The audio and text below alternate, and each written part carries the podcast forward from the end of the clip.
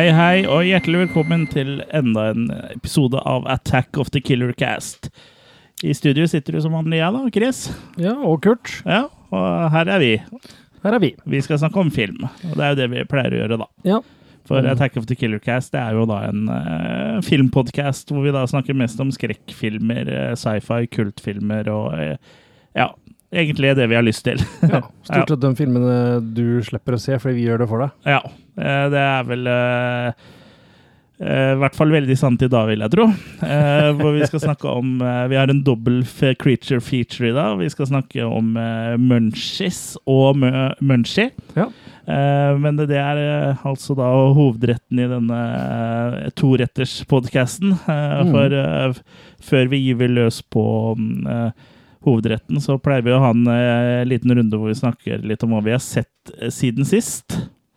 Og ja, enten, enten er jo det da en anbefaling eller en advarsel, eller litt sånn midt imellom. En Ja. minianmeldelse, da, rett og slett. Mm. Mm. Har du Skal vi prøve også Skal vi ta oss og eh, gjøre noe nytt og spennende, da? At vi tar annenhver film, eller noe Ja, sånt? da? Ja. det kan vi gjøre. Ja. Skal jeg begynne, da? ja, gjør det. Jeg kan begynne med en film som har, eh, går under mange navn. Blant annet The Evil Cult. Det var det DVD-en min het, i hvert fall. Ja. Men den heter også The Kung Fu Master. eller Yi Tin To Lang Gao Mang Gao Gao Ju, eller noe sånt. ja. Hei til våre asiatiske lyttere. Hei til våre asiatiske lyttere. Nei, det er altså en, eh, en kung fu eh, slash eh, adventure slash action slash kung fu slash eh, Det er dobbel Horror, KMQ. Ja. Ja, det er liksom Den har, prøver å dra inn alt du kan tenke deg, da. Mm. Slash wirefu. Å, ja, ja. Vet du hva det betyr?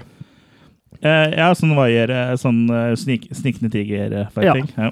Det er liksom mindre slåssing, mer flying. Ja. Ja. Eh, jeg tør ikke engang å prøve å forklare hva den filmen her går ut på, for den er jeg ikke så sikker på den vet sjøl heller. det er i hvert fall flere forskjellige, kall det tribes, da, Jeg kaller det tribes. ja, som eh, sverger til forskjellige kung fu-typer. Som Det høres ut som du sier kung fu noen ganger. ja, det kan godt hende jeg sier kung fu. Ja. kung fu. Kung fu. Ja. Kung fu. Uansett, altså, det er en eller annen backstory her om at det omgjør å bli en slags sånn ultimate kung fu-fighter, da. Eh, Everybody was kung fu fighting. Ja, men det er litt usikkert om du kan gjøre det ved å bli trent opp av spesifikke folk, eller om du kan eksempel finne litt sånn magiske ting. Ja, det er et sammensurium. Det er dritvanskelig å gjenfortelle dette her, for den biter nok over en story som den ikke helt uh, klarer å svelge sjøl. Så det er noe sverd som er magiske, og det er noen eh, en uh, forhenværende fu master som de trodde var død, men som de finner igjen i en sånn eh, ravine. Du blir liksom hevet ned i en sånn eh, fjellskrent da, for å egentlig dø. Men han overlevde, og er da en sånn sin egen kung fu master der nede. Det er kung fu Gandalf, det, da. Ja, noe sånt. Ja, ja. Nei, det er bare helt bonkers alt sammen. Eh, det som er litt gøy her, det er en Jet Li-film, og han ble jo ganske kjent etterpå, da, som en Ja. kung fu-fyr. Og så er Sammo Hung, som Ja. er Han var vel eh, allerede kjent da, kanskje? Eller? Absolutt. Absolutt. Det er en film fra 1993. Ja, ja da var han eh, på høyden, han. over, Ja, på høyden og på bredden og på det meste. Det er en uh, fyr som uh, fyller ut uh, widescreen-TV-en, for å si det. sånn. Ja. Han er vel eh, nesten like stor som deg og meg til sammen, men han er eh, desto smidigere òg. ja, han er vel eh, ti ganger smidigere enn oss eh, til sammen, tror jeg. Og det er andre figurer som du har sett i Jackie Chan-filmer før, som eh, Richard Ng og Kai-Yan Lung, og ja, en del kjente ansikter, da. Mm. Men Sammo Hung er også en sånn slags ukreditert regissør her. Ja, riktig. Uh, og det er han ofte i filmene sine, for han tar såpass over med koreografi og alt som er. Så Han er well hung, han. Well er lang. filmen eh, er artig, for han er litt sånn karikert. Eh, Ja. Det er veldig sånne spesielle figurer her, og, men det er et massivt rot. da, Å prøve å følge med på hva det egentlig handler om, er helt umulig. Eh, Det var visst lagd en TV-serie en gang, og den her var ment å bli en trilogi. Men den slo aldri an, så det ble bare den ene filmen. Ja. Så The Evil Cult, altså Ango aka The Kung Fu Master, Jeg tenker jeg gir den, eh, kaster en treermaker på han, jeg. Han er litt sånn midt på tre, for han har sin greie. Han er litt skjermig. Mm. Um, men han faller helt gjennom storymessig, for du skjønner ikke plukk av hva som foregår, egentlig. Du må bare se folk fly og slåss litt. Ja, ja. Men det høres jo gøy ut, det. Ja. ja. Eh, Jeg har sett eh, Texas Chainsaw Massacre. eh, Altså det, det, ikke The Texas Chainsaw Massacre, men Texas Chainsaw Massacre, som da er Netflix sin nye film. Det har jo blitt populært med oppfølgere, som er en direkte oppfølger til førstefilmen i en allerede ganske etablert franchise. Hvor man i tillegg da til å hoppe bukk over alle oppfølgere som har kommet gjennom eh, årens løp, også prøver å spille litt på nostalginerva til publikum. da. Eh, men samtidig gi stafettpinnen videre til en eh, ny generasjon. Vi har jo sett det i Star Wars, The Force Awakens, og nå nylig Ghostbusters Afterlife, som jeg hadde episode om for noen episoder tilbake. Eh, filmen som starta den trenden her i horrorverdenen, i hvert fall sånn nå nylig, i hvert fall, er vel kanskje Halloween fra 2018. Eh, så det er jo blitt en trend, da.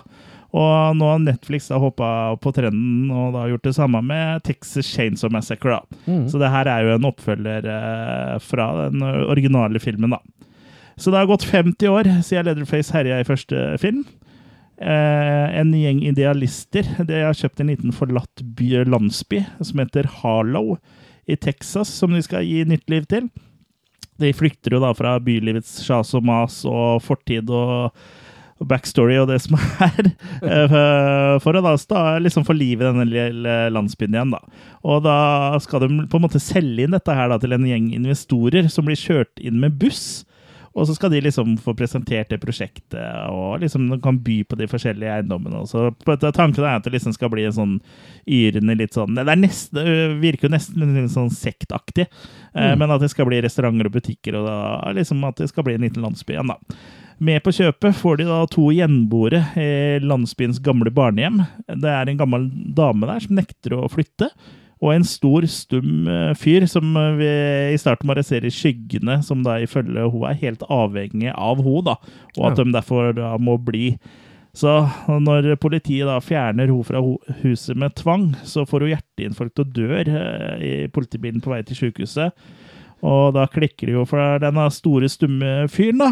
Du kan jo prøve å gjette hvem han er. Gunnar Hansen? Eh, ja, eh, han eh, dreper politifolka, og han skjærer av ansiktet til den gamle dama og bruker det som maske. Så Leatherface is back. Mm. Og den lille forlatte landsbyen er da fylt opp med ferskt kjøtt. Mm. Mm. Så han har jo Det går jo aldri helt uh, blir ikke, ikke forklart hva han har gjort de siste 50 åra, men det virker som liksom hun dama her, eh, hun gamle dama har tatt seg av han, da. Mm. Uh, Så det er ikke sånn at de sier at oppfølgerne aldri har skjedd, men den uh, antagelig ikke, da. Han har sikkert vært uh, i den forlatte landsbyen med hun gamle dama i, i mange år. Det er jo blant annet et bilde der fra, i, i filmen, da, når, fra da barnehjemmet var i drift. Eh, Så ser du masse unger og sånn står og smiler, og hun dama, så ser du en sånn eh, ser du Leatherface bak der, men at ansiktet er skrapa over. Ja. Så han var jo Lyssky. ja, eh, så han har jo vært der en stund, da, tydeligvis, siden før landsbyen ble forlatt også. Ja. Eh, det kan jo kanskje tenke Kanskje han hadde noe med å gjøre at det, grunnen til at den ble forlatt. Kanskje han tok en rett del hele barnehjemmet, hvem vet. Eh, men ja, det er en del av blood, blood, faktisk. Det er en del blod og gore i Texas Chainsaw Massacre. Det er jo noe man forventer, selv om det ikke var eh, veldig mye blod i originalen. da. Nei, det var jo egentlig ikke det. Mm. Og spesielt én scene mot slutten av filmen som foregår på tidligere nevnte buss, er deilig og gory. Eh, Det er deilig gladvold der, og det gir en god følelse. Og som vanlig da, å se Leatherface eh, hakke opp offeret, og det er spesielt millennials eh, som Mm. eh, det går utover her. Uh, de fleste karakterene, da, utenom de to hovedpersonene Melody og Laila, har egentlig veldig lite å by på, men det gjør jo ikke så mye, fordi mesteparten er jo her bare for å være motorsagmat allikevel. Mm. Uh, og så bryr man seg jo om eh, de to første, da, i hvert fall litt, så det holder jo egentlig, det. Eh, så ja, eh, Texas Chainsaw Massacre anno, anno 2022 er eh, blodig god popkornunderholdning, men for meg så åpenbarer det seg ikke som noen sånn ny klassiker, da. Det er liksom litt for lite særpreg eh, til at jeg tror at den her på en måte Mm. er det koronaen som henger i? Ja. Ja. Eh, det er for lite særpreg, da, som f.eks. TCM2 har, ja, ikke sant? til at det liksom på en måte er noe vi kommer til å Eller noe folk kommer til å se på om 50 år, eh, tror jeg. Og så ikke René Selveger eller Matthew McConney med heller. Nei, den, liksom, den tipper ikke over til å være så dårlig heller, at den liksom blir legendarisk eh, sånn sett. Uh, så den føyer seg liksom litt inn i liksom rekka med Texas Chainsaw Massacre. Uh, oppfølgere, men den er ikke blant de dårligste. Så den er underholdende, men den er liksom For det skal være en oppfølger av den første. Ja, akkurat sånn Men Leatherface var jo voksen, om ikke gammel, så var han jo en godt Ja, han har vært voksen hele tida her. Ok, Så han har Ja. bodd på en barnehjem Ja, som bo- voksen retard, på en måte, liksom? da. Nei, vanlig barnehjem, men han Ja. har liksom hun dama tatt seg an, da. Mm. Mm. Så nå liksom i nåtid eh, her, så er det bare han og hun igjen. Så da må han være 70 år eller sånn? han da. Ja, han er nok det. Og um, eh, ja. Um, det, for det, som jeg sa, så jeg henter også Texas Chainsaw Massacre-inspirasjon inspirasjon fra Halloween og henter tilbake en karakter fra første film. Mm. Ikke han i rullestolen, da. Det, selvfølgelig. Uh, Det var jo bare én som overlevde, og det er jo Sally. Ja, The så- Final Girl. Ja, så hun er jo med, men jeg syns rollen eh, hennes blir, blir altfor liten. da. Mm. For jeg, Der Halloween liksom har gjort en mye bedre jobb med å få Laurie Strode inn i handlinga, så syns jeg liksom her eh, virker det som sånn her ettertanke, bare. Ja. At det er noe de bare har fant, kommet på liksom sånn langt ute i produksjonen, at ah, vi må ha med henne, liksom. Og det, det funker ikke helt, da. Altså, jeg skulle ønske at Sally var mer inkorporert i filmen, så Mm. for sånn det føles nå, så blir det litt sånn halvhjerta. Og det er jo ikke samme skuespillere heller. Nei. For hun døde jo i 2014. eh, med Marilyn Burns, som da spilte Ja. Sally i originalfilmen. Så kunne, kunne like godt droppa den Sally-karakteren, syns jeg. Det, liksom, det, det blir ikke så kult, liksom. Hvis, tenk deg sjøl, hvis du hadde sett Halloween 2018, liksom. Og så kommer Laurie Strode med hagla der, og så er de ikke En annen skuespiller, ja. ja, det samme som Jeg husker ikke hvilken Terminator-film eh, det er. noe Genesis eller hvem av de er, hvor hun og Linda Hamilton er med igjen. Hvis det skulle vært en annen skuespiller. Det hadde Ja. ikke gitt samme effekt, ikke sant? Ja. Så ja, kunne spart seg for den, egentlig. Men uh, underholdende og blodig er det, så det er, det er gøy. Men uh, jeg det, ser ikke for meg at den eh, blir plukka fram igjen om 50 år, sånn som, sånn som originalen eh, nå straks er, da. Så Nei, er det en, uh, han derre Fede Alvarez eller han som lagde Evil Dead-remaken? han er produsent. Produsent, ja. Så det er David Blue Garcia som har regissert den der. Okay. Men jeg gir tre sterke makis, da. Ja. Uh, så det er underholdende, liksom, men ikke noe Det, det er en slasher. Ja, ja. Men det skal det jo være. Ja, men det er Mm. ja, er det min tur igjen, da? Det er din tur igjen. Da skal jeg litt over i eh, sci-fi-verden, jeg. Eh, 2014 og en Luc Besson-film. Med Scarlett Johansson og Morgan Freeman. Ja, Filmen Lucy. det er riktig. Den Ja. eh, har jeg ikke fått sett ennå. Den ser kul ut, den. Nei, det kan, du må spare deg for det. Ok, men det, så jeg har sett noen kule sekvenser fra den. da. Ja, ja ganske høy score på IMDb, faktisk. Eller Ja. man er oppe i 6,4. Ja. Jeg klarer ikke helt å forstå hvorfor. Prinsippet her er at eh, karakteren til Scarlett Johansson heter da Lucy. Eh, Hun roter seg bort i en eh, form for drug deal da, i Jeg tror det skal være i Singapore, men det er koreanere som utfører dette greiene her. da. Hvor hun blir operert inn eh, eh, en ny type narkotika da, i magen for å smugle den eh, over grensa. ja. Men så blir det noe gærent her. Hun får juling av noen folk, og da sprekker den der posen inni magen hennes. Mm. Så det, druggen går ut i blodet hennes. ja. Så konseptet her er at der, den eh, narkotika her, den øh, forsterker hjernen din, på en måte. Konseptet er at du bare bruker 15 av hjernen din, og det er jo i seg sjøl bullshit. Det er jo ikke sant i det hele tatt. Det var jo sånn myte det før. At vi klarer å vi mennesker bare bruker bare 10 av hjernen. vi. Tenk om vi klarte å bruke det 50, du! ja, I ditt tilfelle så er det jo sant, da. Ja. Du kan visst bruke 10-15 om gangen, men du har tilgang til mye, mye, mye mer. Ja. Så prinsippet her er at hvis du da kunne bruke mer av hjernen din, så jo mer det der narkotika her går rundt i kroppen hennes, jo Ja. mer klarer hun å bruke av hjernen sin, da. Mm. Og alt det Da kan du tydeligvis tyvlytte på folk og, uten å bruke noe utstyr. Ja, for du får utstyr. så supersanser og sånn? supersanser og sånn, ja. Og det går også så langt at du kan ha kontakt med fortida, liksom. Da. Og de går helt tilbake til derfor hun heter Lucy, er jo at det første kjente mennesket, såkalte missing link, heter jo også Lucy. Ja. Ja. Så det interklippes med masse sånn eh, ja, For eksempel når de er på jakt da, på den der disse drug-folka, så klipper de inn med noen sånne bilder av eh, geoparder som eh, dreper gaseller og sånn, da. Så de klipper bare inn sånne naturfotografier og, og sånne Ja. staged greier om Lucy, da. ja. Når det første mennesket gikk rundt på jorda. Nei, for meg igjen bare sånn surr, bare suppe, bare rør. Ja, og du vet jo godt at det første mennesket var jo Adam. Ja, ikke sant? Adam og Evert. ja. Men uansett så er Nei, jeg, skjønner liksom ikke helt hva han vil. Eller jo, jo konseptet i seg sjøl er jo kult, da. Hva kan du gjøre hvis du kan tappe inn i mer av hjernen enn det du klarer nå, da. ja. Men jeg tror ikke du får telepatiske evner eller eh, kan reise i tid eller eh, sånn for det. Og så gjennom filmer så får du liksom vite at nå bruker hun 20, nå bruker hun 30 nå bruker hun 40 Å, ja. Men den derre loading screen, liksom. Ja, men sånn ekspansjonsrytmen uh, uh, rytmen der er så rask, da. Så liksom, du klarer ikke å se så veldig skille, for det er liksom nesten fra 10 til 20, så er hun liksom supermenneske med en gang. Ja. Og da har du en del å gå på fram til å bli Ja, at du kan nesten Ja, hun kan forandre eh, massen sin og sånn. Ja. Ja. hun blir til en sånn nesten sånn ur-us. Ja. Nei, det er bare helt, helt uh, crazy bananas shit, og jeg, jeg syns ikke det var noe bra. Jeg, jeg kjøper ikke premisset, egentlig. Nei. Og da faller egentlig hele huset, korthuset sammen. Ja. Så jeg, jeg er nede på en uh, svak toermake her, jeg altså. ja. Men da går vel ikke sci-fi-filmer sånn eh, for å være realistiske? Eh, Nei, jeg skjønner det. Men når prinsippet er ut ifra en myte Han Solo har en eh, stor hund eh, som kopilot. Ja, er ikke han koselig? jo, jo, men det Men når premisset er tatt på en løgn, da, på en rett og slett en, en feil eh, Ja, sånn, ja. Ikke sant? ja. Så jeg, nei, jeg syns ikke han leverer. Jeg syns den var svak, altså. Men Ja. jeg ser jo at eh, folk flest er uenige med meg, så mm, eh, Jeg så vel den på Prime, tenker jeg. Amazon Prime. Der kan du ta den med deg hvis du har lyst. Ja.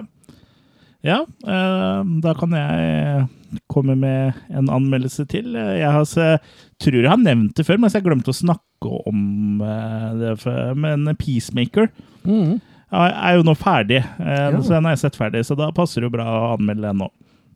Så den slutter jo der hvor James Guns til Suicide Squad uh, slutter. Eller den starter, mener jeg. Der hvor uh, James eh, Guns The Suicide Squad uh, slutter. Holdt jeg på å si feil der òg. og den vet jeg jeg har anmeldt her. Og Peacemaker blir jo da spilt av John Sina, og han blir da henta til en ta task force, da, sånn en liten gruppe som skal jobbe med å avdekke en sånn eh, konspirasjon da, som de kan da kalle for Prosjekt Butterfly. Jeg vil ikke si så mye mer eh, enn eh, det, eller røpe for mye av handlinga, for det, det er best å vite så lite som mulig før man går inn i det, tenker jeg. Mm. I den serien her altså, går man liksom litt mer i dybden på Peacemaker og hvorfor han er sånn som han er. Man får jo ikke vite så mye om han i filmen, for der er det jo så mange karakterer. Så det er jo ikke så mye tid som blir vi- via til hver. Eh, og det er, det er jo en av styrkene, egentlig, synes jeg, da, til um, TV-serier, som vi har sett i Star Wars-serien og Marvel-serien og sånn, er at du Mm. liksom på en måte får blitt Og selvfølgelig Sopranos og andre typer serier også, men uh, Styrken er jo da at du får brukt tid da med karakterene til å liksom bli kjent med dem og bry seg om dem og, sånn. Ja. Og, mm, Kan slå to veier, da. kan slå hvis det blir gjort riktig, da, Mm. uh, vel å merke. Eh, og her eh, i Peacemakers uh, får også John Sina vist seg fram som en eh, overraskende, i hvert fall for meg, habil skuespiller. Jeg har ikke sett så mye av han, så jeg vet ikke Kjenner ikke til Men jeg vet han er en wrestler, liksom, men jeg syns han gjør det bra her, da. Eh, humoren da, er den samme som i The Suicide eh, Squad, så hvis du liksom likte den da, eh, filmen, så får du mer av det samme her, men med mer dybde i karakterene, som sagt. Eh, så man får kanskje i pose og sekk, eh, Mhm. vil noen si. Det er herlig humor, kul action, og så er det mye tøff eh, 80s glam rock her, da. Ja. Eh, med blant annet eh, Nå er det riktignok ikke fra 80-tallet, men eh, Wigwam i tittelsekvensen, og et par Ja. Wigwam-låter sånn ellers i serien òg. Og ja, den eh, nevnte tittelsekvensen er jo eh, så morsom og hilarious, for alle karakterene eh, danser jo en sånn utrolig teit dans mm. inni en sånn slags neonaktig i studio. Det jeg må si at jeg har ikke trykka 'hoppe over intro' eh, på en eneste episode, for den er utrolig morsom. Altså. Ja, ja. Og så er det så gøy at det er et norsk band, da. Det er ikke bare norsk, men det er jo halvparten av dem er jo fra Sarpsborg òg, så Ja. Ja, det er jo Sarpsborg og Halden og Fredrikstad. Ja. Ja, så det, det er veldig gøy. Mm. absolutt. Men ja, Peacemaker syns jeg leverer over hele linja. Altså, det er underholdende, det er teit, og det er rørende, og det er bare utrolig morsomt. Så den eh, treffer eh, på alle punkter. Altså, så for meg så blir, blir det innafor superheltserier, altså så blir det, makekast seks fra meg. Altså. såpass, ja. Ja. ja. Det er nesten- James Gunn i fri dressur. Nesten sette tid til dem, da. Ja. Mm. Eh, ja, det bør du eh, gjøre. Den er absolutt uh, verdt å se. Altså. Det, Mm. det er så mye teit, teite ting og teit humor og barnslige ting. Og det er, eh, det er morsomt. Mm. Men uh, hvis uh, du skal se Peacemaker, så se The Suicide Squad uh, først, da. Ja, den nye. Ja, ikke den ja den, for det er så James Gunn sin. For den starter jo der den slutter. Begge, Mm. Både The Suicide Squad og Peacemaker er på HBO Maximus. Mm. Så ja. Maximus Glutenus. Det har jo også blitt uh, uh, confirmed, eh, bekrefta, Ja. at det skal komme en sesong to. da. Mm. Og ah, den skal bli skrevet av James Gunn, og han skal regissere alle episodene. Det Ja, det gjorde han vel nå, tror jeg, bortsett fra én eller to episoder. ja, riktig. Mm. Ja, Det kan jo være en styrke, faktisk. Ja, det er eh, Jeg la ikke merke til noen kvalitetsforskjell på den episoden han ikke hadde regissert, men jeg la merke til at navnet hans ikke sto på Directed én gang, så jeg tror han har regissert eh, resterende, da. Men ja, ja, veldig, veldig bra, altså. For det er jo litt i det som jeg kan ta nå, da. Uh, der er det nok forskjellige regissører. Uh, jeg har sett ferdig The Book of Boba Fett. Ja, riktig. Uh, ja, alle kjenner vel storyen her. Det er rett og slett en slags backstory om Eller ikke backstory heller, for handlinga er vel lagt mellom en del av de filmene vi har sett. Men det er iallfall Boba Fett som tar over etter Jabba the Hutt. da. Tar over hans rike, på en måte. Ja, riktig. Og prøver å Riktig.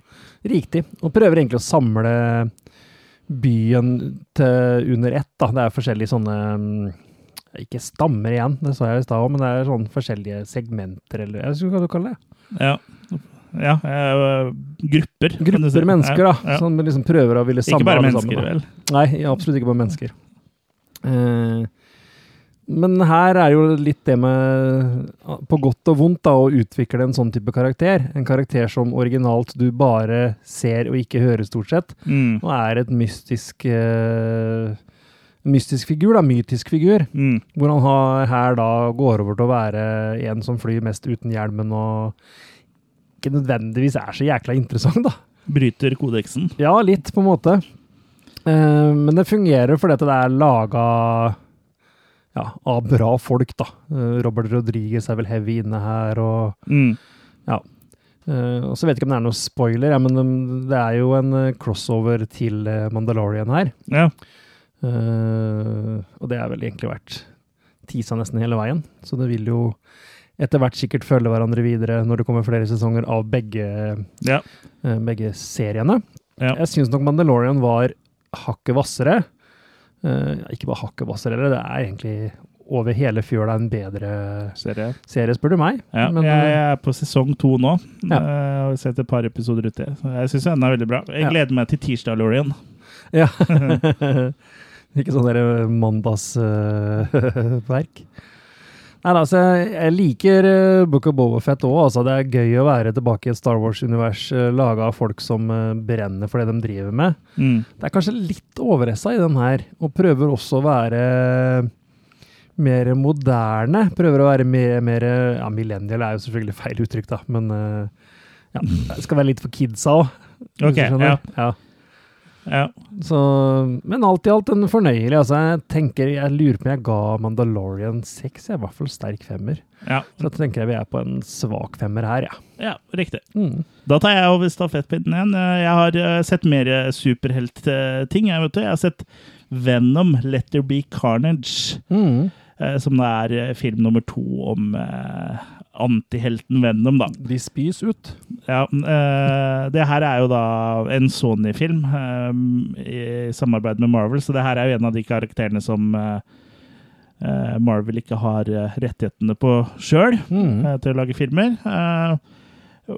Venom Letter Be Carnage handler da om Eddie Brock og Gugga fra verdensrommet han er i symbiose med. Venom han er jo sånn gugge, Ja, ja. han ikke er inni en vert, holdt jeg på å si. Og sammen må de den gangen her da bekjempe en annen symbiose, nemlig Carnage. da. Mm. Eh, det er mye humor og kul action eh, her òg, til sammenligning med Peacemaker. Men hvis man sammenligner med Peacemaker, så eh, faller det vel litt eh, til kort, da. Eh, og også hvis man sammenligner med MCU-filmene, altså de andre Marvel-filmene, så holder det jo ikke sånn eh, samme kvalitet eh, kvalitetsmessig eller storymessig. Eh, Men det er gøy popkornunderholdning, syns jeg. da. Mm. Og så er det jo Tom Hardy og Woody Harroldson er jo med, og begge de to er jo Hardy og Woody. oh, Hardy Woody.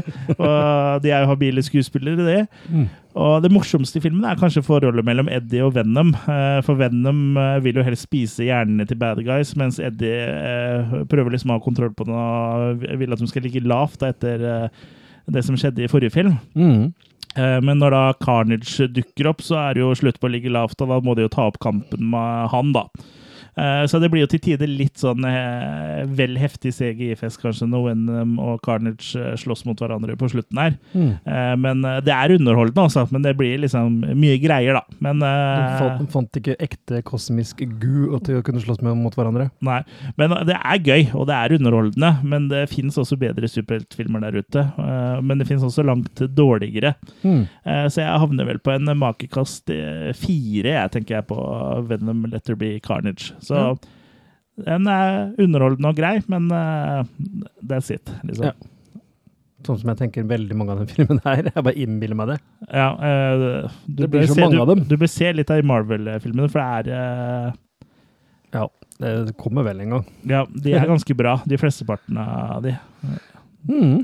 Men jeg kan ta over stafettpinnen, ja da, vet du. Ja, Eh, Skal vi si, eh, si det hver gang? Ja, vi tar det hver gang. Vi, ser, Ja. vi, vi, vi gjør det jo fysisk, passerer den over til hverandre. Mm. En kjøttfull stafettpinne. Jeg har sett en som kanskje er litt på grensa til hva vi kan ha med her. Nei, egentlig ikke. Eh, For det er en eh, thriller, og det er om en seriemorder. Og da er det Da vel innafor. her. Så vi skal til 2007, og vi skal til den eneste gangen jeg kan huske at Kevin Costner har spilt uh, ond. Mm. Så vi snakker Kevin Costner, Demi Moore og William Hurt, da, blant annet. Uh, Kevin Costner spiller Mr. Brooks. Som rett og slett Mel er- Brooks. Mel Brooks, ja. Mr. Brooks, som er en uh, anerkjent eh, fyr, rik, eh, velstående, eh, eier et uh, pappimperium, holdt jeg på å si. Den driver med kartong. Petterson? Ja, Petterson, Ja. typ greier. Men han har gjort seg rik på det, da. Ja, det er mye penger i emballasje. Ja, absolutt. De selger jo annet emballasje til Kina og sånn, som uh, sikkert kjøper store mengder, og Ja. bare du får uh, kråketegnet riktig. ja. Hei igjen til våre asiatiske lyttere. Men han ja, er som sagt velstående, men på si da, så er han litt seriemorder òg. Så han har litt sånn dobbeltliv. Ja, litt sånn Dexter. Ja, han har liksom Pappdekster. Pappdekster. Ja. Han har egentlig slutta med det her, da. Eh, Ja. Så det har vært et par år siden sist.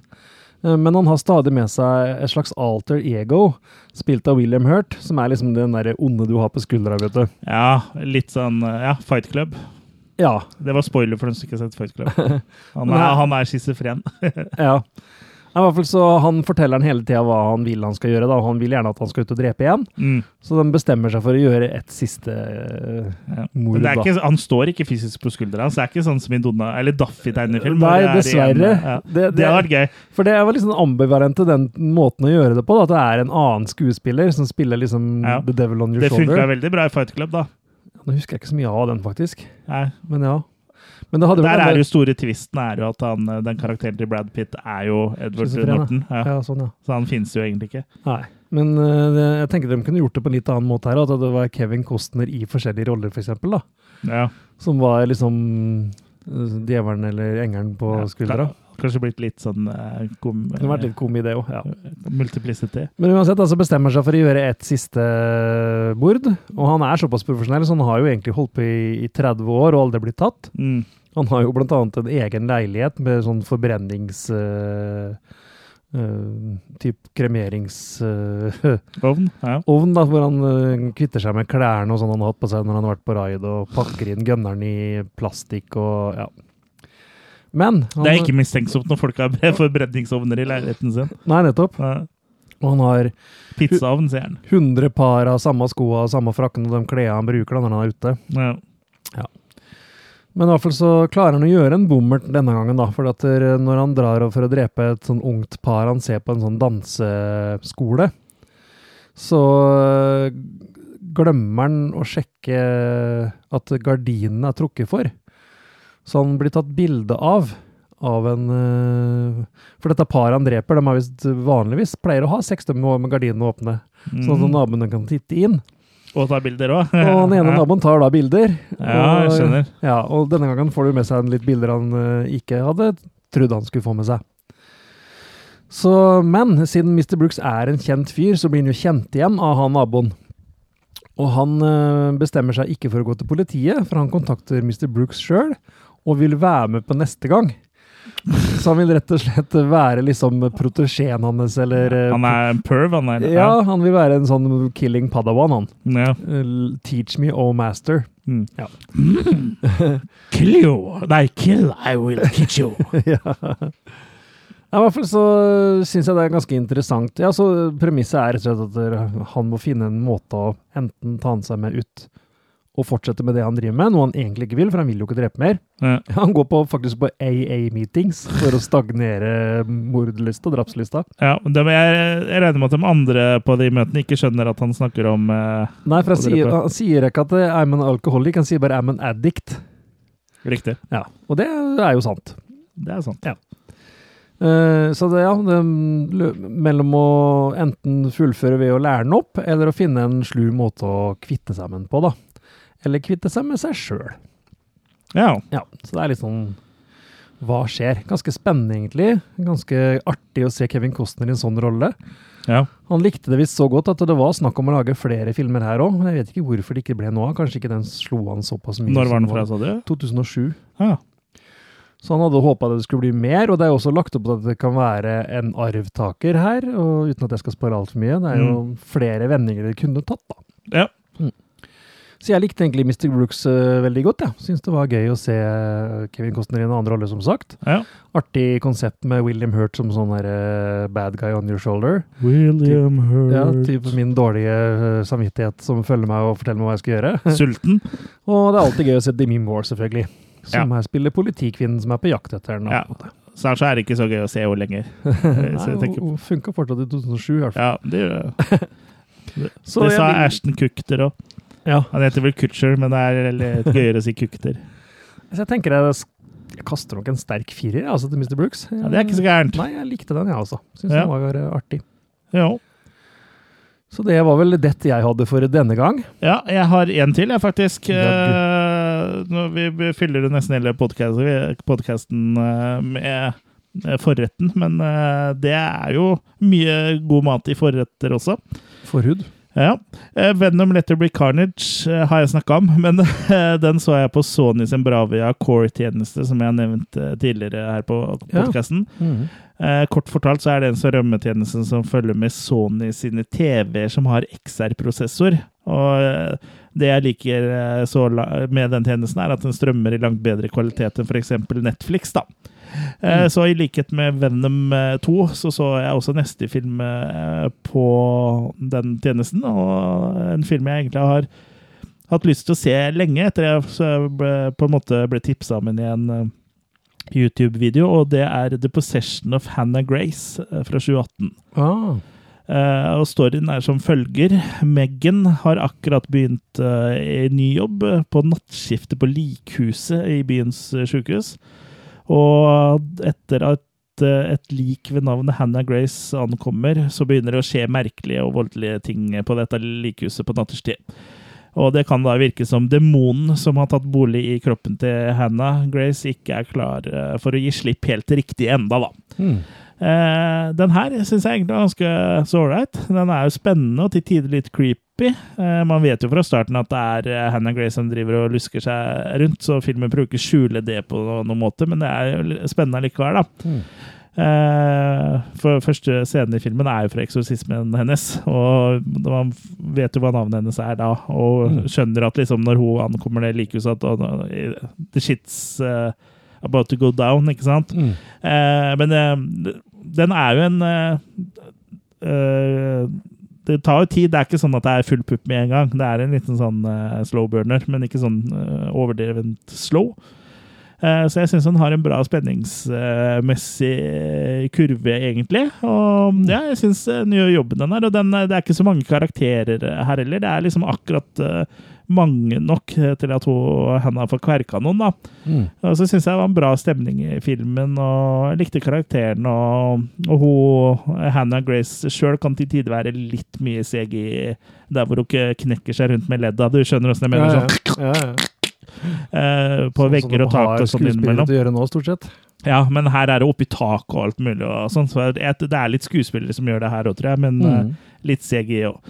Men ja, eh, The Possession of Hannah Grace passer fint i en mørk stue med litt popkorn og kanskje ei kald hånd å holde i.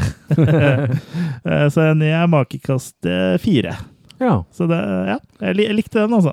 Det er det det heller. Det er ikke gærent, det heller. Men ja. Det, det, var, runden rundt bordet. Det var runden rundt eh, bordet. Så da er det jo på tide å ta for seg det vi alle har kommet hit eh, for, nemlig å snakke om Munchies. Og vi begynner med Munchies fra 1987. Sweetwater, a new and inviting desert community Violation! This is gonna be a great day. filled with kind and loving families. But I am your stepson. I know, I treated you like it was, didn't I? With mature and responsible teenagers. And then, one day, Did you hear something? something odd appeared. Oh, This is incredible. Exactly what they are is uncertain. I'm South American cockroach, Dad. I'm out of here. Their origins are somewhat hazy. It's an alien. Maybe an illegal alien. And while their manner can be quite charming, He's so cute. Can't we take him out of the bag now? Their habits can be a little bizarre. Paul, not so rough. I haven't done anything yet. Gross. But you'd better treat them right. You're not laughing anymore, are you, pal? because they're not necessarily nice. Munchies.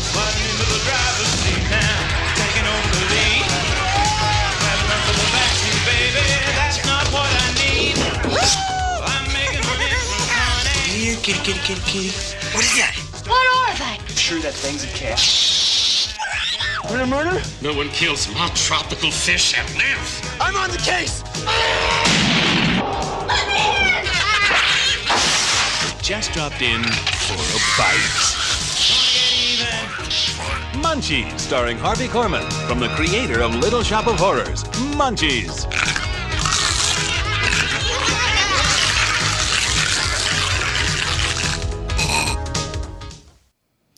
Det var Munchies der, ja. 1987, som sagt. Eh, jeg vet, jeg kan ta litt sånn background først, for eh, den er jo produsert av Roger Corman. Og han er jo en legende. Skal jeg bare dra opp lyden på meg sjøl også? Nei, Sånn, kan bare ha lyden din nede, du. Ok, bare, bare Roger Corman er jo mye kjent for å, å drive med rip-offs, egentlig. Hvis noe blir populært, så kommer Roger, Roger Corman med sin versjon. Han liker å ri den exploitation-bølgen ganske bra. Mm. Og han gjør det jo såpass bra at han har blitt en legende på det òg. Ja, og han har, har jo også vært en sånn eh, startgrop også for mange eh, filmskapere. Som blant Absolutt. annet eh, Coppola. Ja, Cameron. Ja.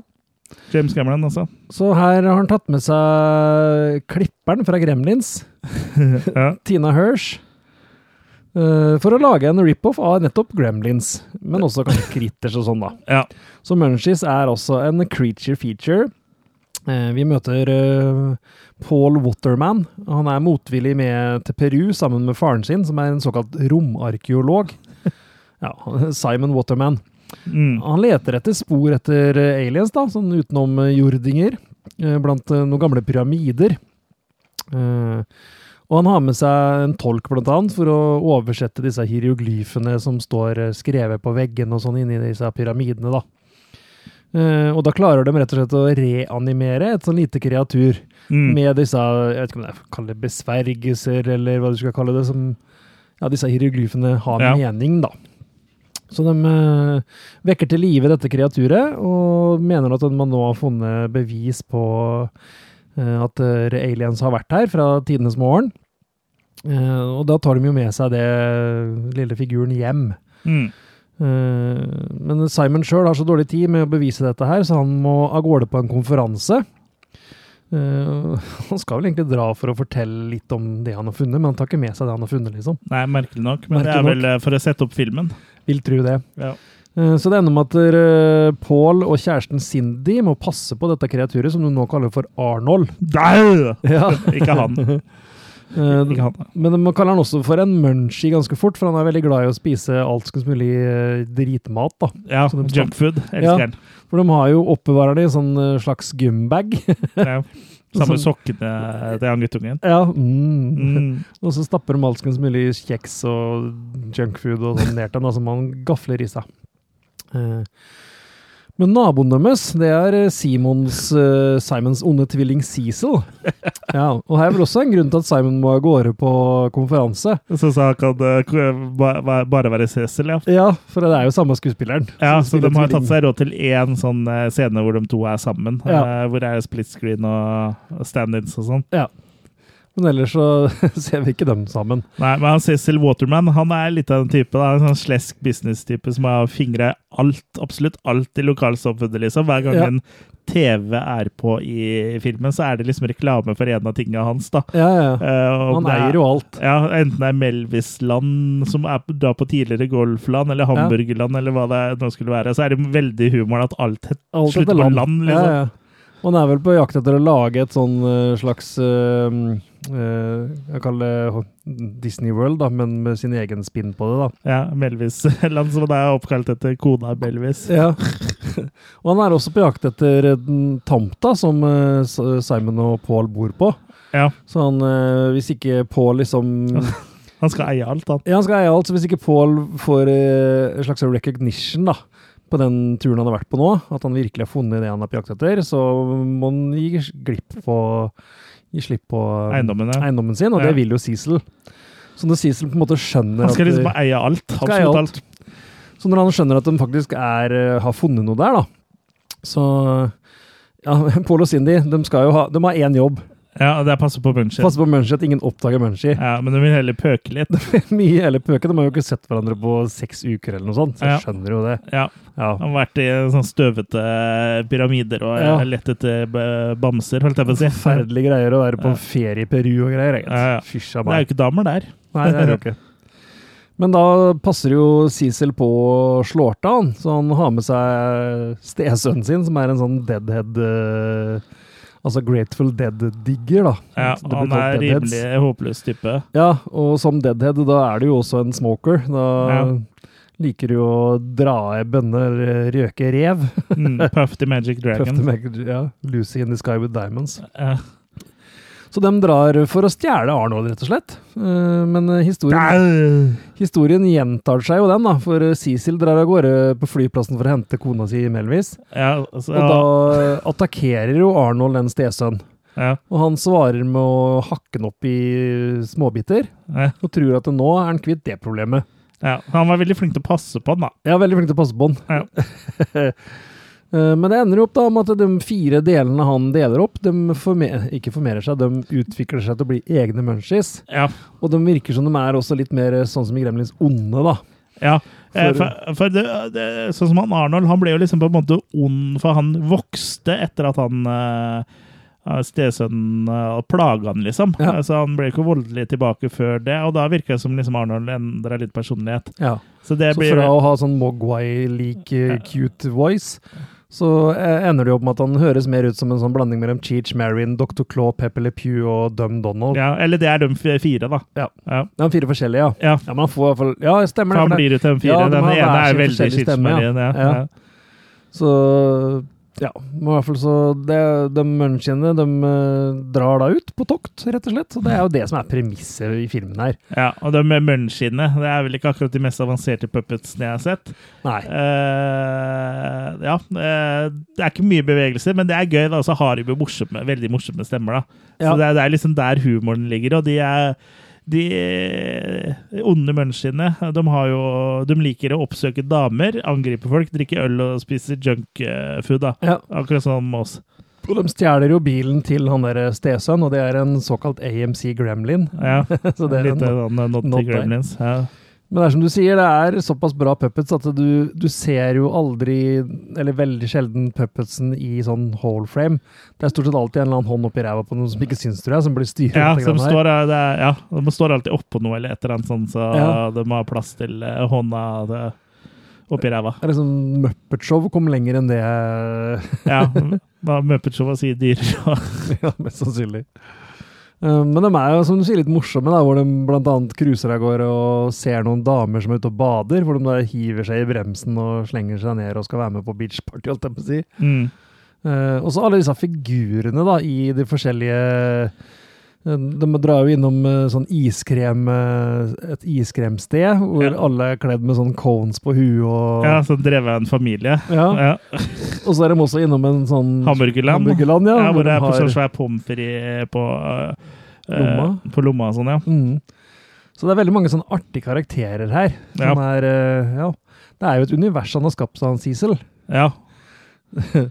Og så er jo, i likhet med forrige film så ender jo den filmen her eh, Eller i forrige episode, eh, hvor vi snakka om Kobra, så Mm. ender også den eh, filmen her opp hvor Finalen er jo en fabrikk her også, Ja.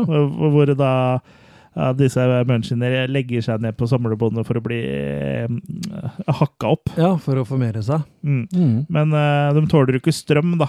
Nei. Så det er måten man kan drepe dem på. Da blir de til sånne steinstatuer. Mhm.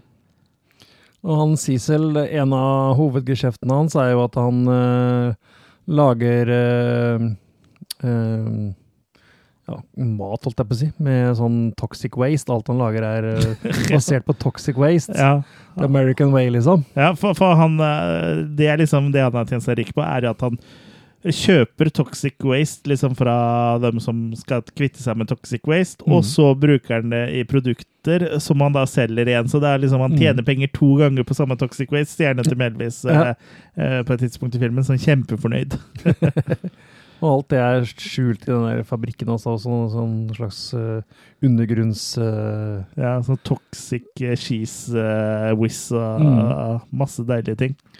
Og alt her er jo sånn Ja, blant annet på bilen hans så står det jo det der eh, navnet på corporation hans og sånn, og det er jo bare sånn der papirark som er klistra på utapå. Det er mye sånn bra løsninger her. Ja, det er lavbudsjett som holder eh, dette her. Absolutt. Men det er jo, det er jo gøy, morsomt, da. Jeg syns jo filmen er morsom. ja. Og det er mange gøyale karakterer her, og sånn, og munchiene òg er liksom eh, morsomme i sin absurditet, liksom. At det er eh, det, det er så dårlig, da, men det er liksom også mor morsomt, liksom. Mm. Uh, ja, så det her jeg tror jeg er en sånn film som eh, best uh, ses eh, med noen øl innabords, og gjerne sammen med en kompis eller to. ja, absolutt. Mm. Eh, Det fins jo ganske mange sånne creature feature-filmer, og de, sånn som Goolies og sånn. eh, Critters og Ja. ja. Også Vi har vel Hob- hatt, eh, vi har vel- Vi har vel hatt om både Critters og Goolies, tror jeg. Goolies har vi ikke hatt, vel? Det er mulig det har blitt nevnt i episoder. Ja, at noen vi har i hvert fall hatt om Critters, da. Ja. Uh, og det her er vel en av dem på, hva skal jeg si, nedre del av stigen. Det er nok eh, Det er nok på uh, første ruta på stigespillet. Ja. det er der du er nå. Ja.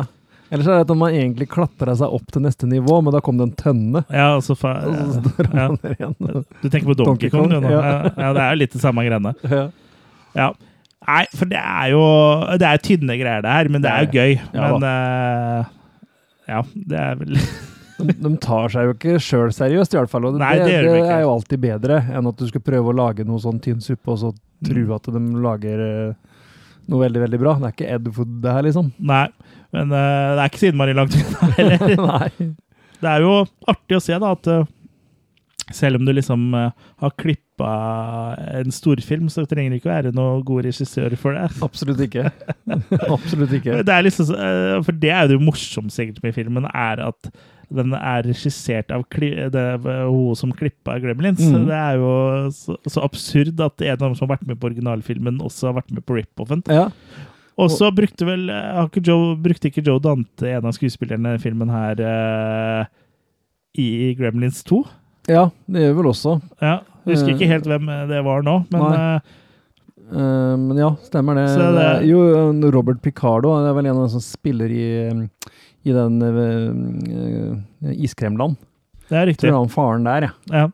Nei, så det er jo gøy at på en måte at uh, original og rip-off liksom går hånd i hånd og låner av hverandre, holdt jeg på å si. ja.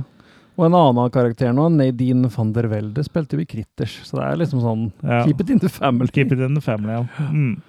Men uh, noe sånn uh, mesterverk er det vel ikke det her. Nei. Eh, Roger Corman er som sagt en legende, og han har kommet med veldig mye bra, han. Ja, Eh, det her er vel ikke en av dem. Nei. det er det nok ikke. Men han tjente nok en uh, kjapp buck eller uh, to, da. Ja, han fikk vel nok til neste film, tenker jeg da. ja.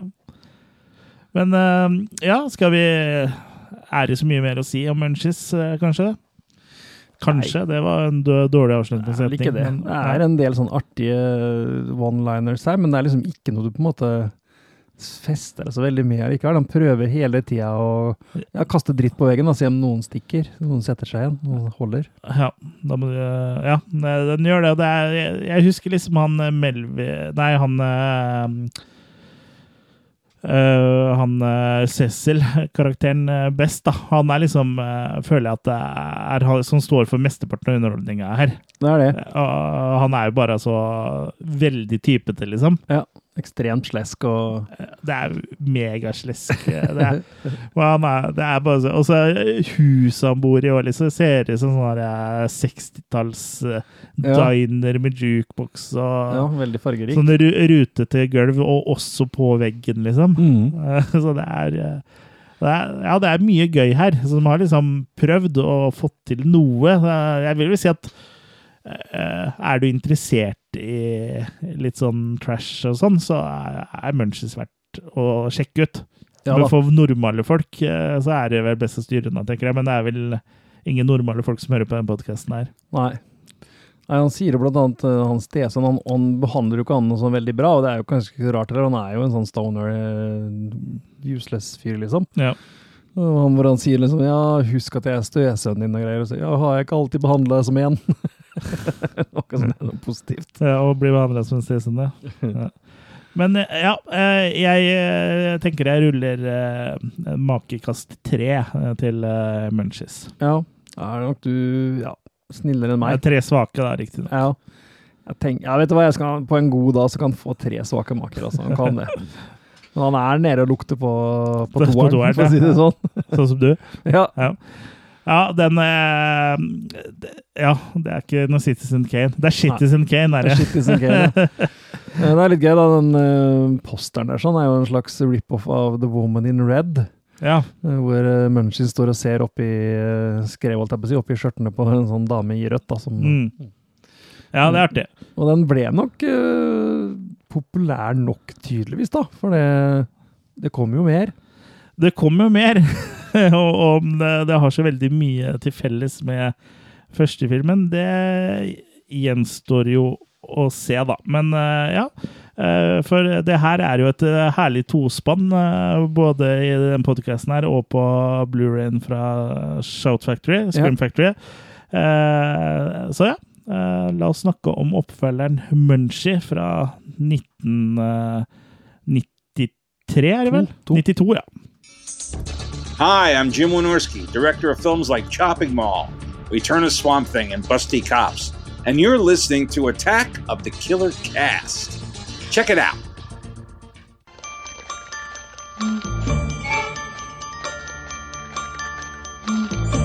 Gage Dobson is the new kid in the neighborhood. His mom's in love with a jerk. I'm going to be your new father, whether you like it or not. He's not doing so well at his new school, Unless your grades improve in math, I may have to fail you. and his overactive imagination is getting him nothing but trouble.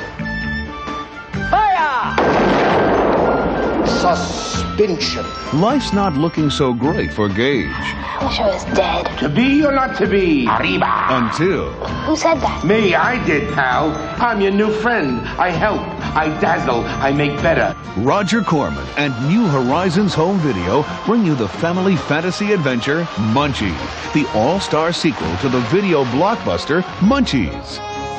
Now Munchies come to school to help Gage with a few class projects, like getting back at the school bully, Geronimo.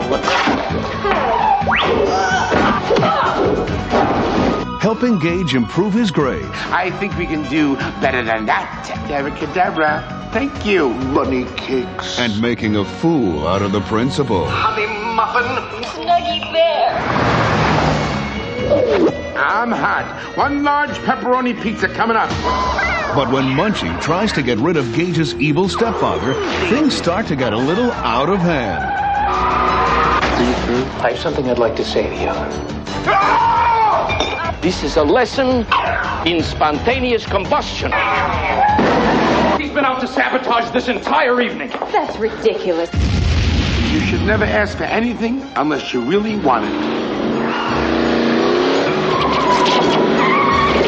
So join Munchie and his friends as they soar away on a magical fantasy adventure starring Lonnie Anderson, You give whatever it is back to Gage. Andrew Stevens, I've been arrested. Artie Johnson, Could, could you introduce him to me? Jamie McKennan, Okay, you got me. Where are the cameras? and Dom DeLuise as the voice of Munchie. Hey, sometimes you gotta help people in spite of themselves. Magical, mystical, Munchie. Den traileren der jeg tok jo faktisk og gikk gjennom hele filmen. Ja. Så ja, har du hørt traileren, så har du eh, sett filmen, egentlig. Mm. Eh, ja. Uh, Munchie, da. Det er jo da eh, en film regissert av vår gode venn Jim Wynorski. Det er det. Og det er en oppfølger bare i navn, egentlig, for her eh, er det noe helt annet som skjer, da. Ja. Og ja, Gage Dobson, eh, som er eh, vår hovedperson, eh, han er da et barn og har ulike problemer i livet sitt. Ja. Eh, han blir eh, mobba på skolen av både elever og, og lærere. Mm. Og i tillegg så dater jo da mora hans Katie, eller Cathy heter hun vel, eh, den sleazy Dr. Elliot Carlisle, da, som eh, Gage ikke syns er noe særlig kul. Nei. Og, og så er jo en, en av de største problemene kanskje er jo at han er jo forelska i den peneste jenta på skolen, Andrea, mm. og det virker som uh, hun ikke engang vet at han eksisterer. Som du pleier å være. Ja, sånn som det ofte pleier å være. Og det som er litt artig her, er at Andrea er spilt av Jennifer Love Hewitt, så, Eller Love Hewitt, som hun heter her, da. ja, som må bli kreditert som her. Og det her er jo da hennes uh, spillefilmdebut. Mm. Mm. Så der fikk vi en liten uh, overraskelse.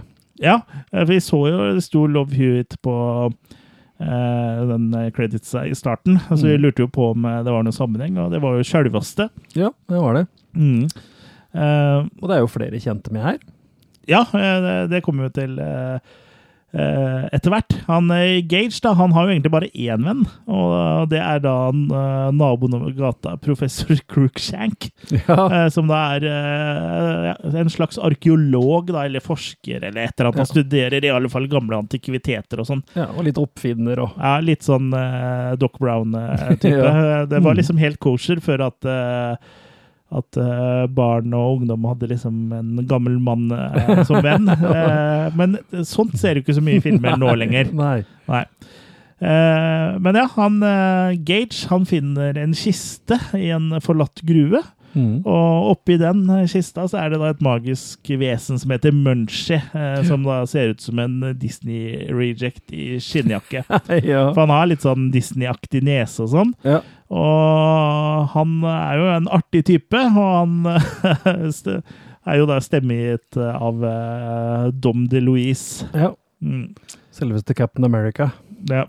Ja, Var det Captain America i de gamle filmene? Eh, Nei, i uh, Tegnefilmene? Nei, i um, um, sm Ikke Smoke and the Bandit, men um, Cannonball Race. Ja, der heter han karakteren det Captain America. Captain, Captain Ja. America. Dun, Han- dun, dun. Ja, han har vel vært med i en av Smoke and the Bandit-filmene òg, vel? Som Doc eller noe sånt noe?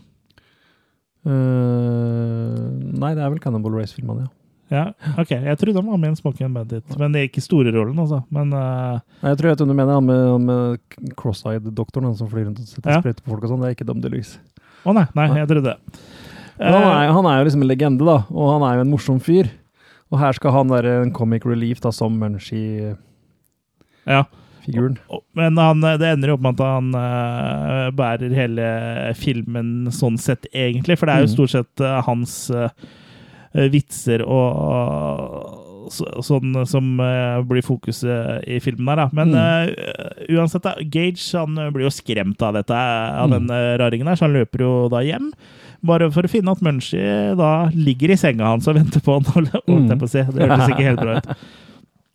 Og Munchie kan da forklare til sin nye venn at han har magiske krefter da, og kan Mm. hjelpe ham med problemene i livet hans. Og det første han gjør da, er jo å hjelpe eh, med å få mat. Eh, For Ja. han blir jo sendt eh, rett i sengs uten eh, kvelds. Mm. Så da skaffer jo Munchie en pizza, da.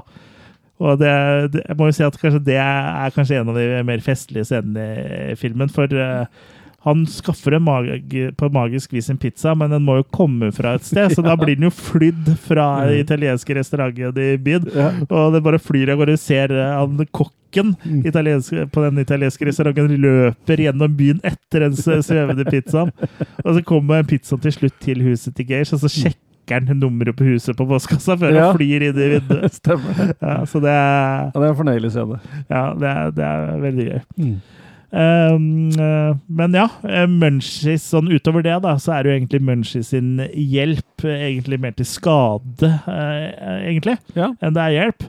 Det begynner for så vidt bra, for Munchie hjelper han med å da hevne seg på de som plager han på skolen. Mm. Han ene da blir jo da kontinuerlig ydm- ydmyka under en Romeo Julie-forestilling, som, Mm. hvor han da er Romeo, altså han Bølla, og så er selvfølgelig Jennifer Love er Juliet. Og han andre Bølla får gjennomgå i garderoben og han blir slått av skap og sånn, som Mm. eh, han uh, Munchie da står bak, da. Ja.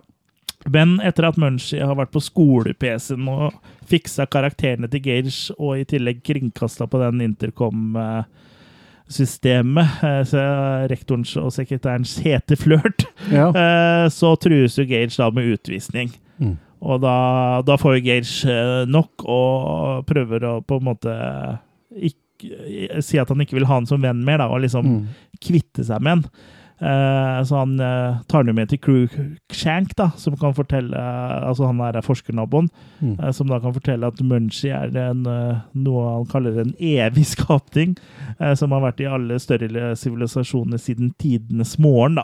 Og så Ja. ser han blar i sånn bok og sånn, og så ser du eh, at uh, han Munchie er liksom med på alle bildene her, da. Ja. På liksom alle historiske ting uh, som har vært uh, helt siden ja, sånn egyptiske hieroglyfer og alt mulig sånt. Ja. Der, Ja.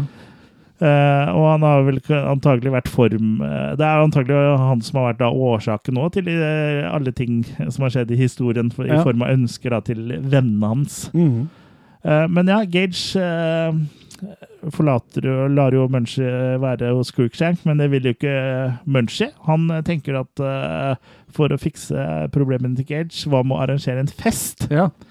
Uh, for uh, Cathy og han er eh, sleazy kjæresten hennes uh, skal jo på date, eh, Mm. og da blir de borte noen timer, så da må vi ha et party. Mm. Og det fikser jo da alle Gage sine problemer, er jo da Ja. Og Også selvfølgelig da gi den mulighet til å snakke med Andrea, da. Mm, for det er mer naturlig å dra på sånn ordentlig, ordentlig hjemme alene-fest. Når du er eh, ti år. Ja, sammen, det er sammen med faren din. Ja. ja, for hun har jo med seg faren sin. Så syns det er eh, en fantastisk fest. Ja, og rektoren og, Og sekretæren kommer Ja. også. Og liksom bare Ja, det, det er veldig bra festgage. Ja. Du kan bare glemme Du trenger ikke noe gjensitning eller den eh, Og de er- merknadene er også borte. Ja, hvilke merknader? For det var Hva enn det er. Ja, det er også sånn der Ja. uh, ongoing joke at uh, det er ingen som vet hva de merknadene er. Nei. Eh, så Skikkelig bra humor. det det er litt sånn uh, artig humor her, litt sånn spesiell type humor eh, i den filmen her, som på en måte eh, Ja, det gir det litt sjarm, da. Så den er litt artig. Men eh, daten til uh, hun mora, da, Cathy, den går jo ikke uh, helt uh, bra. For han uh, Carlisle han prøver å sjarmere henne i senk da, ved å si at datingmarkedet er jo oversvømt av single mødre i 30-åra. Så det er ikke som at hun er hans eneste håp, og da blir hun sur. og krever- Graver sin egen grav. ja, han gjør rett og slett det, og hun krever at han kjører henne hjem. Mm. Og de drar jo da hjem, og kommer da midt inn i den festen her, da. Mm. Og mora blir jo selvfølgelig rasende over at Gage har eh, hjemme alene-fest. Det ville jeg jo også gjort, eh, hvis tiåringen min eller hva det er for noe hadde hatt fest. Ja, for det er jo stort sett bare voksne håper jeg halvnakne damer og et band, og det er jo Ja, det er sånn- band til og med, liksom. ja, alkohol og ja. Mm. ja, alkohol og noe kohol. Mm. Alcoholic. Ja. Nei, så det Ja. Det er litt mer voksenfest enn det han på 10-12 år øh, burde hatt. Ja, det er jeg enig i. Men eh, ja, de kommer jo da mm, eh, eh, De oppdager jo da Munchie da, eh, Mm. liggende bak der, og da ser jo, får jo han Carlisle dollartegn i øya, for han eh, har jo lyst til å ta med seg da uh, Munchie for å forske på den, ikke sant? For Mm. han er jo en sånn forskertype. Han jobber jo på samme sted som han er av Crookshank, Mm. men de er liksom, han er han kule, populære, holdt jeg på å si. Mens Crookshank er liksom han rare, da Mm. eksentriske. Uh, Så han tar jo rett og slett og kidnapper uh, Munchie. Mm. Og drar av gårde med, med han, men Gage, Andrew og Cruishank de følger jo da etter, da. Så det blir en biljakt, faktisk. Som da kulminerer at de får tak i Munchie, og så får da Munchie bilen deres til å fly. Eh, så den svever da forbi månen, sånn som Ja. vi får den obligatoriske ET-referansen som alle komedier eh, på et tidspunkt måtte ha. Mm. Før Carlisle krasjer inn i en donutsjappe. Mm. Og hva er det det er i en donutshoppe i Purk. USA? Der er det bare purk. Så han blir jo da arrestert, og han snakker om ja, men, ja, men det var en bil oppe i lufta. Bla, bla, sa han.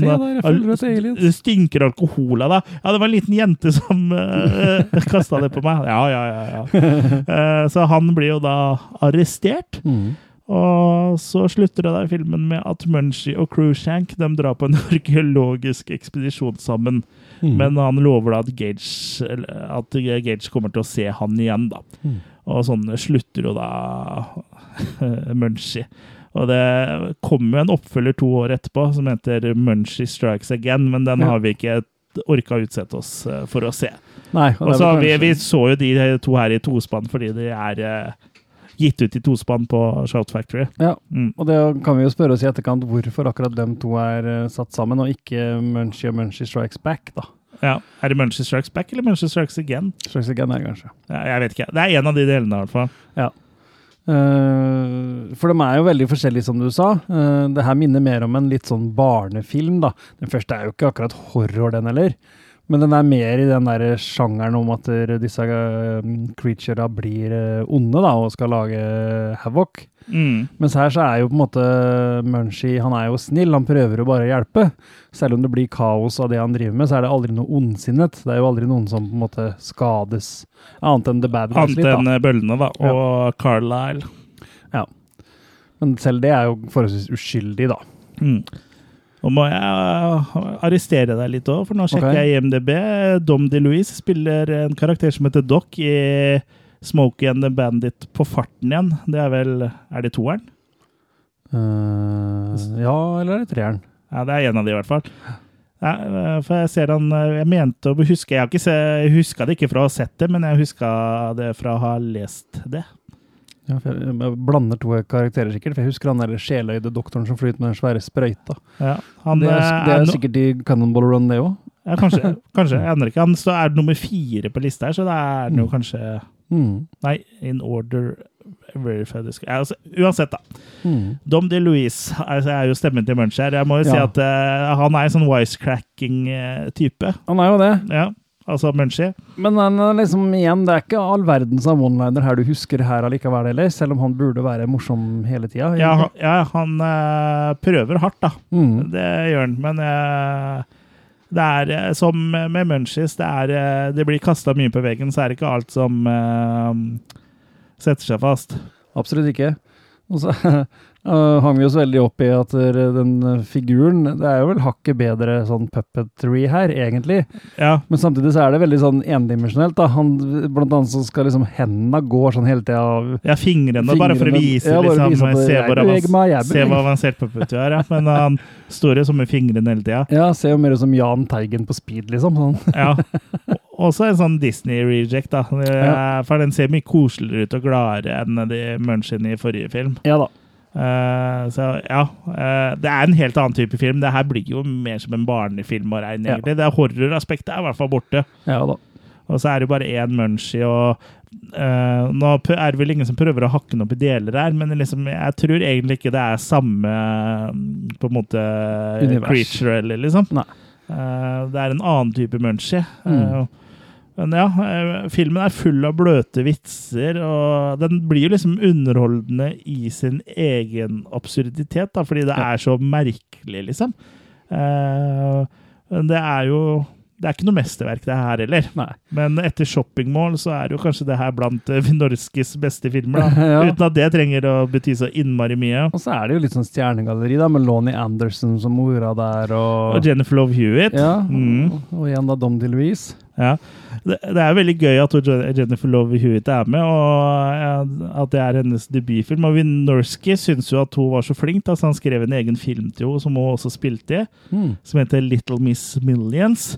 Mm. Og så er det én ting jeg leste på IMDb som det er mulig at det blir litt lost in translation for meg, men eh, det bare hørtes litt sånn ekkelt ut. For han skal ha sagt etter å ha sett henne i I Know What You Did Last Summer, at han angrer på at han ikke hadde hatt henne eh, med i en av hans andre filmer. For han er mest kjent for å lage litt sånn softcore-aktig Ja, og litt sånn eh, nakenhet og litt sånn ja, exploitation-filmer, da. Mm. Og liksom eh, Ja, snakker han da om 1997 Jennifer Lowe Hewitt, eller 1992-versjonen? Nå er- For det, er, liksom, det blir liksom litt sånn ekkelt uansett. Ja, ja, ja. Eh, men tenk deg det òg, at det er fem år mellom eh, I Know What She Did Last Summer og. Munchie. Ja. Så går det jo fra å være et barn til å bli. Absolutt. Nei, så det, det er litt sånn Det vokser opp, eh, som Ja, ja. Jim Wynorski ville sagt. Men ja, nå er, jeg, nå er jeg nesten på vei til å bli eh, like ekkel som han, ja. Mm. Men eh, jeg, jeg er vel yngre enn hun, tror jeg. Eh, så det, eh, da går det greit. Jeg er i hvert fall ikke en, eh, mye eldre enn henne.